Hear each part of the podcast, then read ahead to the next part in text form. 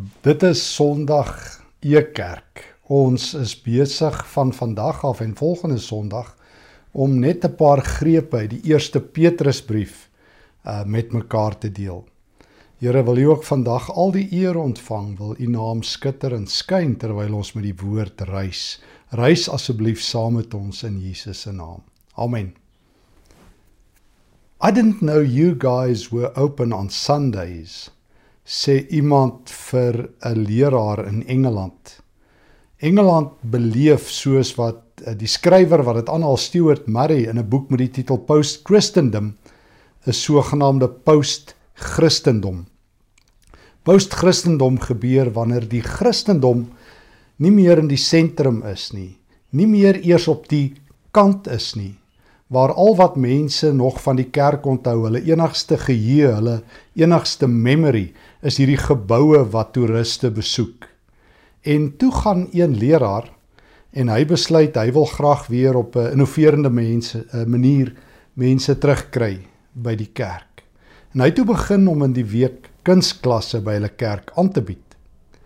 En so is dit toe nou die sonoggend toe hy kerk hou en uh, vir 'n klein groepie mense en hy na die tyd buite by die deur staan en almal groet.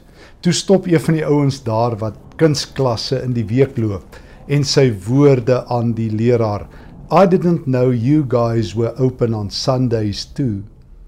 Bedoelende in 'n post-Christelike wêreld, 'n wêreld waar Christendom vergeete is, waar Christendom opeindig in die museum vir bedreigde spesies, het mense amper geen geheue van die kerk nie.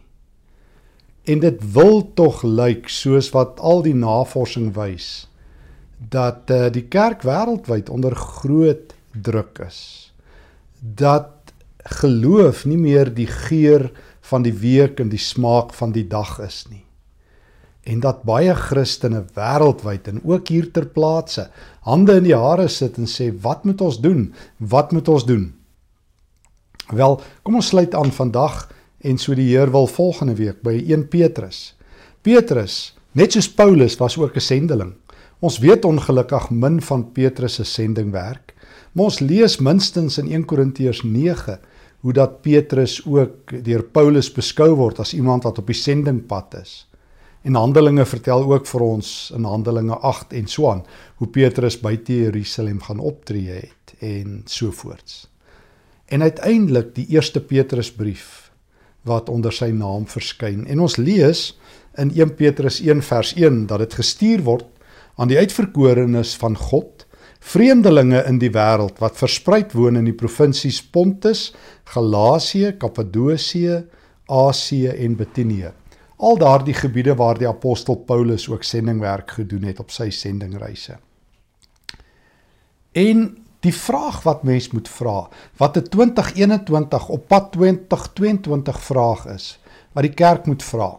Hoe tree ons op as Christene in 'n toenemend post-Christelike wêreld, sogenaamde post-Christendom, waar die kerk nie meer sentraal is nie, waar mense nie meer gepla is nie, hulle gee nie om of jy aanstoot neem as hulle God se naam uitelik gebruik nie, hulle gee nie om wat jy dink nie. Trouwens, hulle dink soos een Afrikaanse ou eendag vir my gesê het, Christendom werk vir hom, want dit klink Christene is dom. Uh en hy het dit vir my gesê en hy het gesê Joubert jy ook. En dit is amper die stereotipe.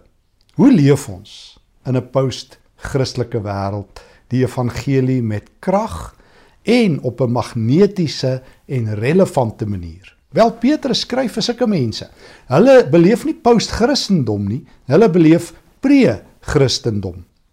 En ek dink een van die heel belangrikste boeke in die hele Bybel vir so 'n tyd is 1 Petrus. Ek sê dit nog altyd, as ons die roetes wat 1 Petrus vir ons aandui navolg, sal ons weet hoe om relevant, lewenskragtig in 'n wêreld te lewe tot eer van die Here wat hom glad nie ken nie, wat hulle nuuskierig sal maak, wat 'n geloof sal hê wat uitlek en wat afgee en wat met krag in die wêreld is.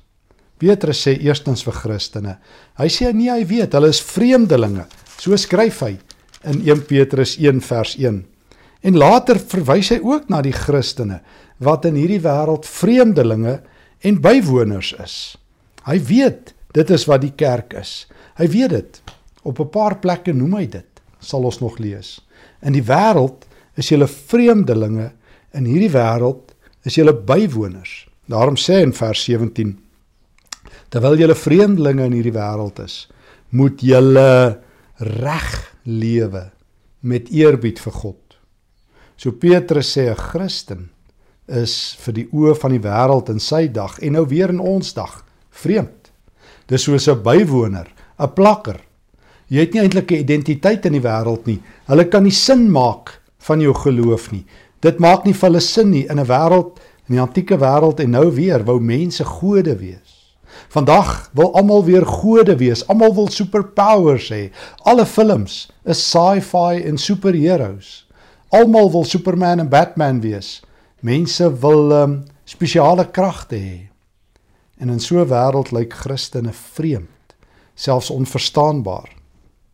Hoe praat Petrus? Hoe praat hy met gelowiges? Hoe deel hy in een brief die roete van 'n Christen in so 'n wêreld? Wel, die heel eerste sê nie vir hulle wat hulle moet doen nie, maar wie hulle moet wees. Hy help hulle met wie hulle is en wie hulle moet wees. En dit is die belangrikste wat ons hier in die wêreld van 2021 22 moet weet. Wie is ek? Die Here Jesus, Petrus onthou dit baie goed. Sy eerste woorde aan al sy volgelinge was nie gaan verander die wêreld nie. Uh gaan doen iets vir my nie. Sy heel eerste woorde was, onthou jy? Volg my. Johannes 1, Lukas 5, jy noem dit. Volg my. Elke keer as die heel eerste roeping om te weet wie jy is in God om te wees. Een van die grootste spanning wat mense beleef om elke hoek en draai is dat daar duisende identiteite op ons afkom. Gedoorie waar Facebook het nou al hoeveel seksuele identiteite in die 50 of die 60 en jy kan dit kies. Ouers laat nie hulle kinders toe en die staat laat nie hulle kinders toe om 'n motor te bestuur voordat hulle 18 is nie, maar jy kan sommer kies wat se identiteit jy wil hê elke week en dit inruil en opruil en afruil. In so 'n wêreld kom Petrus en hy leer vir Christene wie is hulle. Hoor mooi. Hy sê vir hulle: "Julle weet tog 1 Petrus 1 vers 18. Julle weet, dan hoor jy het iets, jy verstaan iets. Daar's iets wat jy weet." Dat julle nie met verganklike middele so silwer en goud losgekoop is uit julle oorgeerfde sinnelose bestaan nie. Julle is losgekoop met die kosbare bloed van Christus, die lam wat vlekkeloos en sonder liggaamsgebrek is. So Petrus begin en hy hy sê vir Christus, nou kom ek sê vir julle opnuut wie is julle? Ja, die wêreld sê julle is vreemdelinge. Julle is weird. Maar weet julle wie se opinie tel die meeste? Wie se opinie tel alles? Nee, nie net 'n opinie nie, wie se aanwesigheid tel alles? God. En weet jy wat sê God van gister en eergister oor jou lewe? Jy is losgekoop, vrygekoop, losgemaak uit 'n sinnelose bestaan. Lyk dit vir jou hier in 2021 of mense gelukkiger is? Ons is mense wat tans in die wêreldgeskiedenis die meeste tegnologie het. Ek meen hier is ons besig om digitaal ook uitdrukking in ons geloof te gee. God dank, God is die drie enige God is ook digitaal aanwesig want hy's oral en ook by ons en daarom het ons ook koinonia met mekaar en met die lewende God. Maar ons leef in 'n wêreld wat die meeste kennis ooit het, die meeste tegnologie, die meeste ontwikkeling, die meeste medikasie, die meeste gerief, die meeste luksede en tog het ons die meeste geestesgesondheidsiektes van alle tye. Depressie is die groot uithaler van mense. Ons almal sukkel met bepaalde forme van aanpasbaarheid. Um future shock het ons ingehaal wat Alvin Toffler al in 1970s gedefinieer het as die menslike liggaam en die menslike wese se onvermoë om tred te hou met die spoed van ontwikkeling. Ons weet nie meer nie. Dinge gebeur te vinnig, moeilikheid kom te vinnig. Jy het skaars laasweek so moeilikheid deurgewerk, dan's daar 10 nuwe moeilikhede elke paar minute uh, wat sosiale media op in jou gesig bring en op jou gesigskerm sit. Mense weet nie genoeg van God um, om eers te lewe nie, wat nog te sê gelukkig te lewe. En nou sê Petrus, ouens, breek. Kom ek sê vir julle in die Here se naam, wie is julle? Julle is losgekooptes. God het julle gekoop. Daar in die hemel sê God, hulle is my eiendom. Ek het hulle gekoop. In die koopbeeld in die antieke wêreld en tot vandag sê alles en en enigiets wat gekoop word het 'n waarde. Nie waar nie. Hoe kosbaarder iets is, hoe hoër die prys. Uh skilderye van Picasso en Swan is astronomies hoog want dit het 'n hoë waarde. Die hoogste waarde van alles in die hele heelal is op jou lewe. Jy het nie gehoor nie, jy moet dit hoor in 2021. Die hoogste waarde van enigiets in jou huis en jou lewe, uh, uh in jou bank is nie dit nie, is jou lewe. God het so 'n hoë waarde op jou lewe gestel dat hy bereid is dat sy seun jou met sy bloed kom loskoop het. God het besluit jy het ewige waarde. En kan ek dit net weer sê? Niks in hierdie wêreld kom met 'n ewige waarborg nie. Jy kan maar probeer. Jy kan maar probeer. Ek bedoel jou karre, die beste is wat jy 5 jaar kry 'n waarborg. En daar sou ook allerlei klein druk. Jare terug onthou ek um, mense wat ons geken het, het kastrolle gekoop wat die ouens gesê het lewenslank gewaarborg en toe hulle lewe ook gouer ophou as wat hulle lank gaan hou en die ouens hulle terugvat toe ehm um, sê hulle nee nee daar's fyn druk daai deel is nie gewaarborg nie God die ewige God wat die ewigheid in sy hand hou sê ek het jou losgekoop met die kosbare bloed van Christus. Jou verlede het hy losgekoop sodat jy 'n ewige toekoms kan hê. Hoor net hoe beskryf Petrus hierdie ewige toekoms. Hy sing 'n loflied oor God want hy's besig om gelowiges uh daar in die eerste eeu as hy hierdie brief skrywe en ook in 2021 as hy ook met jou en my praat in hierdie holderste bolder wêreld na God se wêreld toe te vat. Voordat hy vir ons sê wat ons moet doen, sê hy vir ons Hoor mooi wie is jy? Jy is losgekoop, vrygekoop. Jy is God se.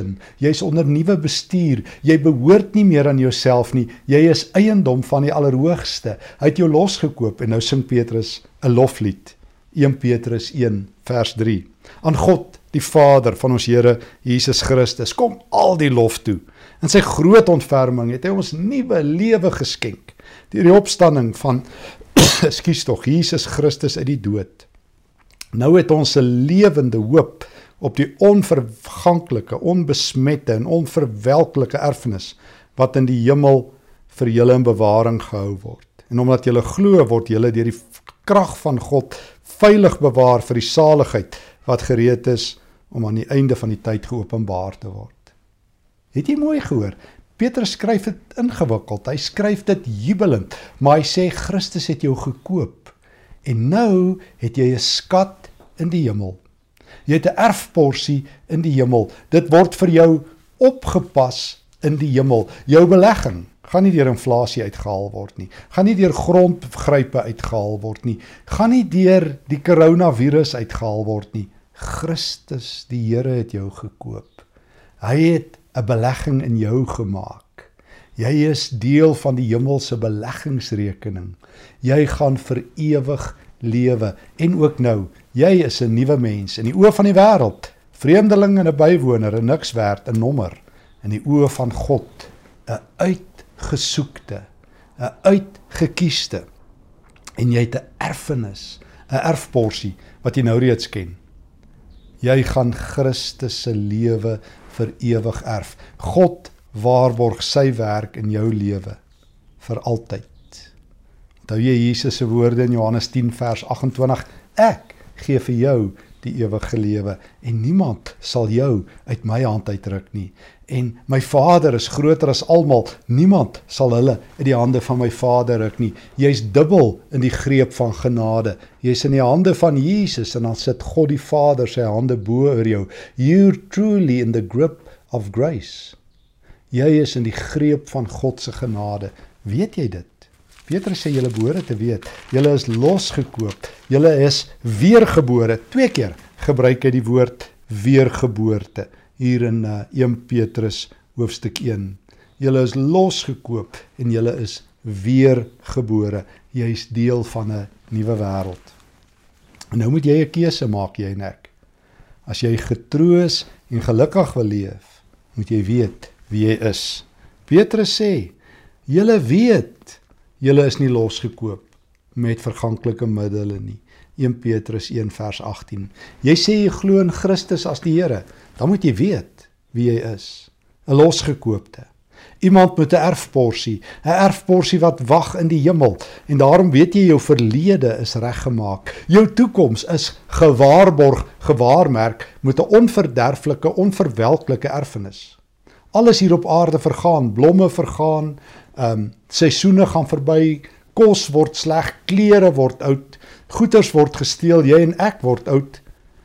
My erfporsie by die Here is onverderflik, onverganklik en ewig. Jy moet dit weet. Die vroeë Christene, dit was die belangrikste wat Petrus vir hulle wou sê. Hy het nie vir hulle gesê gaan plant 'n kerk, doen die volgende 20 stappe nie, later ook. Maar heel eerste, weet wie is jy in die Here? Weet nog iets. Hoe moet jy nou lewe as jy 'n losgekoopte is? Vers 13 van 1 Petrus 1. Wees daarom verstandelik, wakker en nugter en hoop volkome op die genade wat julle deel sal word. O, jy en ek, soos ek altyd vir myself sê, ons dans op die maat van ander musiek. Ons is ingestel op die hemelse sender. Ons hoor reeds hoe sing die hemelse uh, gelowiges met lof vir God. En daarom sê Petrus, vestig al julle hoop op die genade 1 Petrus 1:13 wat julle deel sal word by die wederkoms. As gehoorsame kinders moet julle nie julle lewe inrig volgens die begeertes wat julle vroeër gehad het toe julle God nie geken het nie. Nee, soos wat hy julle geroep het, heilig is, moet julle in julle hele lewenswandel heilig wees. Daar staan immers geskrywe wees heilig want ek is heilig. Die kerk het ook donderdag 'n learning community gehou waar ek ook gepraat het oor heiligheid. Heiligheid het so halwe 'n uh, afbreekende term geword uh uh vir Christene. O nee, ek is nie 'n heilige nie. Hoe sê hoe hoe het ehm uh, uh as dit Ian Foster wat gesê het I'm a holy man without the holiness. Nee nee nee nee. Weet jy Paulus die term wat hy die tweede meeste vir Christene gebruik is heilig is. Petrus sê dit ook. Wees heilig. Jy's 'n heilige. Heiligheid gaan nie dat ek teen alles moet wees nie. Heiligheid gaan dat ek die karakter van God moet hê. Dat ek soos Christus lewe, op Christus se roete lewe, anderster lewe. Nee nee, nie anderster as ander nie, maar ek my lewe word bepaal deur Christus, nie deur wat in die wêreld aangaan nie. My gemoedstoestande is nie afhanklik van hoe goed dit gaan met die stemmery en as daar kos en is Eskom reg of wat nie. My gemoed en my lewe en my vreugde word bepaal deur een man, Jesus Christus. Jesus is nie 'n aanvulling nie. Hy is die Here. Hy is nie iemand wat ek op Sondag dien, dan gaan ek aan met my lewe in die regte lewe nie. Christus is die regte lewe vir jou. Meneer, mevrou Stefan, ons elkeen. Hy daar is geen ander een nie as hy. En daarom leef ek heilig ek lewe vir God. Ek ek het 'n ander Here. En ek vra elke dag Here, wat sal U naam eer gee? En daarom leef ek elke dag verstandelik, wakker en helder. En daarom deesdae doen ons motors dit outomaties. Uh die radiosenders in ons motors en in ons huise is outomaties ingestel. Maar onthou in die ou dae moes jy elke keer as jy radio van 'n stasie af gaan hom fyner instel. Daarom stel ek elke dag my lewe op God in. Jy en ek leef in 'n wêreld wat toenemend moeilik gaan word. Moenie fout maak nie. Dit gaan moeiliker word. Die Bybel sê so. Dwaalleraars gaan meer word, vals evangelies gaan volloper word, gelowiges gaan hooploser word, post-Christendom gaan groei, ons gaan al hoe meer ongeloof rondom ons sien. So hoe gaan ek en jy maak? Gaan ons onttrek? Gaan ons dikker mure tussen ons en die wêreld bou, soos baie van die ou vroeë Christene geglo het, bou net die kloostermure dikker dan kan die sonde nie daaroor kom nie. Dit kan. Die oplossing, weet wie jy is. Petrus sê, weet julle nie julle is losgekoop nie? Jy's 'n gekoopte. Die prys is betaal. Mag ek dit weer sê wat ek elke keer sê? Kyk mooi, hier langs jou lewe staan 'n bordjie: gekoop en onder nuwe bestuur. Sien dit elke dag. Skryf dit hier langs jou as dit moet. Sit dit langs jou bed onder nuwe bestuur van die Here. En dan aan die ander kant 'n bordjie onder permanente konstruksie.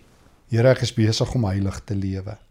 Nee, ek is nie 'n ou heilige nie. Ek sukkel, maar Here, ek dink oor my geloof. Ek leef keurig. Ek leef om U te eer. Ek wil sout en lig wees wat die styl van Jesus afgee. Ek wil met hoop leef. Ek wil vreugdevol wees. Huh. En daarom sê Petrus, daarom moet jy die Here lief hê en daarmee sluit ek af.